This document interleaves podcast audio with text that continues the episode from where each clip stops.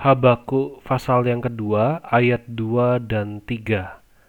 Lalu Tuhan menjawab aku demikian, Tuliskanlah penglihatan itu dan ukirkanlah itu pada loh-loh, supaya orang sambil lalu dapat membacanya.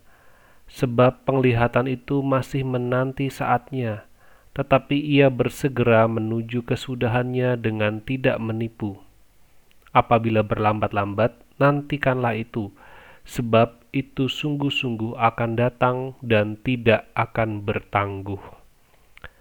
Habaku yang memiliki tanda tanya besar di dalam pikirannya tentang penglihatan yang ia alami, akhirnya mendapat jawaban dari Tuhan. Tanda tanya besar itu berkenaan dengan penghukuman umat Israel dan bangsa yang akan Tuhan pakai menghukum bangsa Israel. Dan Tuhan menjawab dengan memberi perintah untuk menuliskan apa yang sudah Tuhan nyatakan di dalam penglihatannya.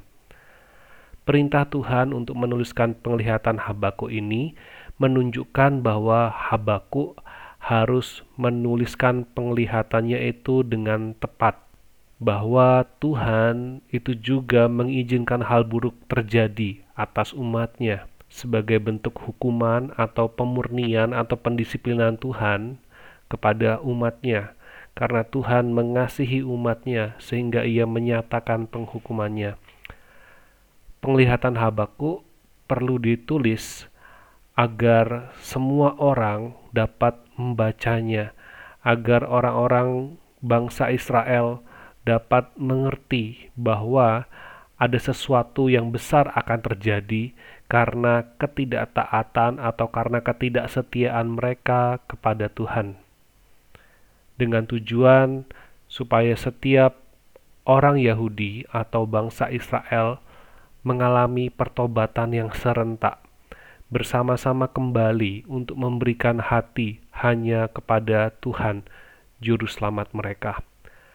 Berita hukuman adalah berita yang selalu ingin dihindari, tetapi dalam bagian ini kita melihat melalui apa yang Tuhan perintahkan kepada Nabi Habakuk, menunjukkan bahwa Tuhan serius tentang dosa Hukuman Tuhan pasti akan datang, cepat atau lambat, nantikanlah itu.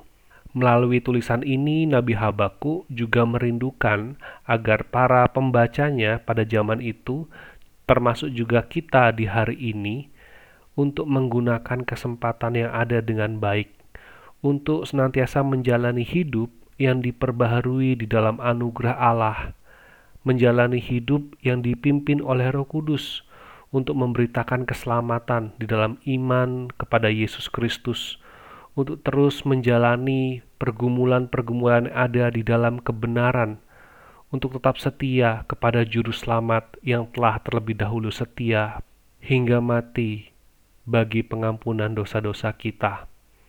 Ingatlah bahwa selagi ada kesempatan, itu merupakan kesempatan yang Tuhan izinkan terjadi dalam kehidupan kita karena Ia sedang membentuk hidup kita.